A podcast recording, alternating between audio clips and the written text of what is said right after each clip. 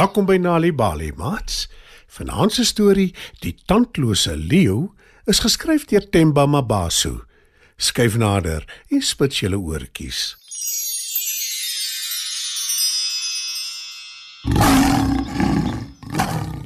Zibi is die enigste leeu in die bos waar hy bly en hy is dol daaroor. Al die ander diere is bang vir hom want hy's 'n baie goeie jagter en hy is altyd honger. En dit is hoekom wanneer hulle Zibi sien, hulle vinnig laat spaander en wegkruip vir hom. Nou op 'n dag loop Zibi soos gewoonlik deur die bos op soek na kos. Al die diere het reeds weggehardloop en weggekruip. Dis nou te sê almal behalwe 'n ou skilpad. Want skilpad kan nie hardloop nie. Haar dop is te dik en te swaar en haar bene is te kort. Wat doen ons hier? Kos in 'n dop? Sê Zibi en hy lek sy lippe af terwyl hy al nader en nader na skilpad toe beweeg. Ag nee. Asseblief, moenie my opeet nie. Pleit skilpad. O, kom nie. Wil Zibi weet. Ek is oud. My vleis is taai. Ek sal nie lekker wees om te eet nie. Antwoord skilpad. My tande is lank en skerp. Sê Zibi. En toe bespring hy skilpad. Skilpad trek vinnig terug in haar dop.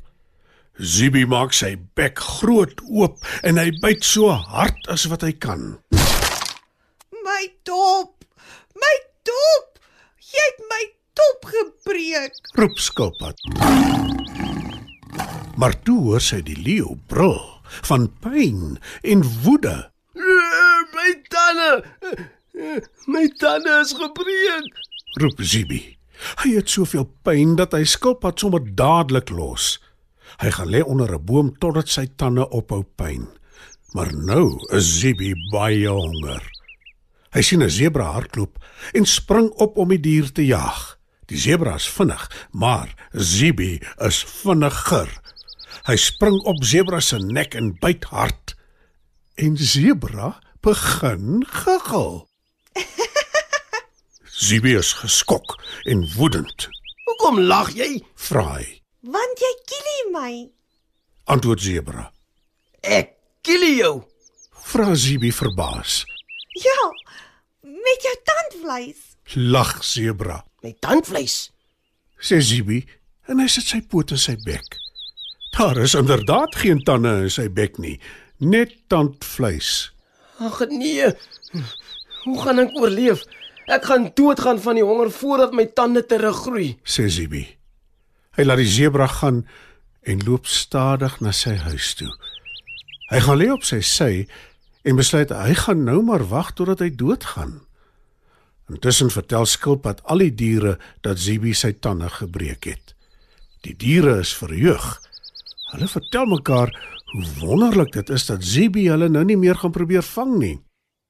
Maar toe gaan daar tyd verby en hulle begin hom jammer kry. Gemsbok is die eerste een wat iets sê. As hy nie kos kry nie, sal hy doodgaan van die honger. O ja, en watter dier wil sy eerste prooi wees? Antwoord kameelperd. Nie een van die ander diere sê iets nie. Uiteindelik praat olifant. Hy sal maar moet leer om plante te eet as hy wil oorleef. Die ander diere stem almal saam dat dit 'n goeie idee is en net voorstelle wat Zibi kan eet. Ek sal vir hom sampioene vat.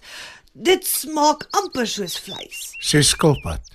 En haas beloof Ek sal kool en wortels vat. een na die ander dier beloof om vir Zibi kos te vat. En die volgende oggend gaan hulle na sy huis toe. Elkeen dra 'n mandjie vol groente en vrugte. Kos. Ek het kos nodig. Kreun Zibi, waar hy swak op die grond lê toe die diere by hom aankom. Almal sien sommer dadelik hy het nie 'n enkele tand in sy bek nie, Probeer die sampioen. sê skilpad. En Zibi vat 'n hap. Hy kou baie maklik aan die sampioen, Nog asseblief. sê hy. En hy eet die een na die ander sampioen. Toe gee Haas vir hom 'n wortel om te eet, maar dis te hard vir hom om te kou. Dankie.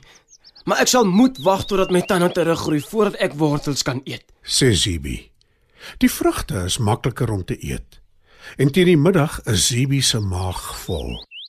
Hy is baie dankbaar en die diere kom agter hy behandel hulle heeltemal anders as van tevore. Hy is gaaf en werk sagkens met hulle. Daar is geen teken van die ou Zibi wat hulle wou vang en opvreet nie. Daarna vat die diere elke dag vir hom kos. Hulle bevriend die leeu vir wie hulle eers so bang was en hulle gesels land en sand met hom. Weke gaan verby en een oggend voordat die diere vir hom kos bring, sê hy: Niemand is nog hier nie en ek is nou baie honger.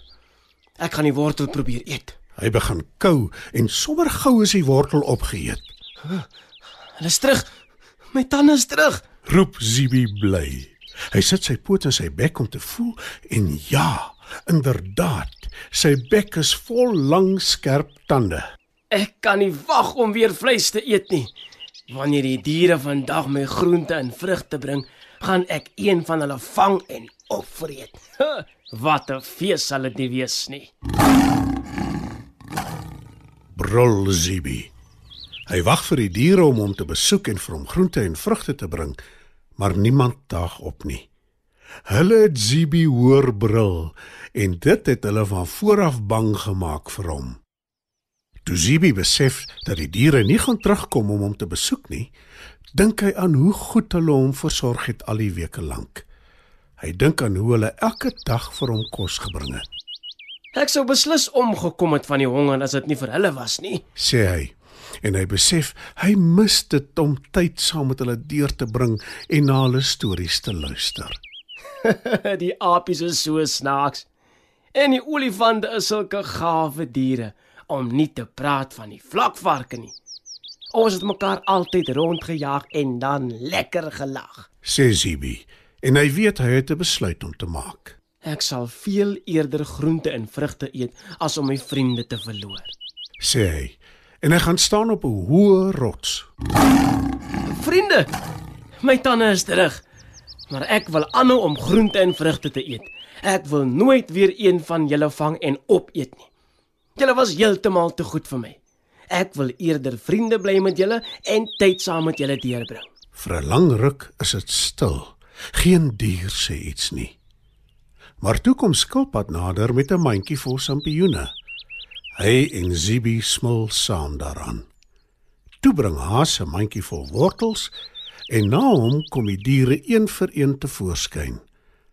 Dinge het verander in die bos en almal lewe nou in vrede saam sonder om te vrees vir hulle lewens.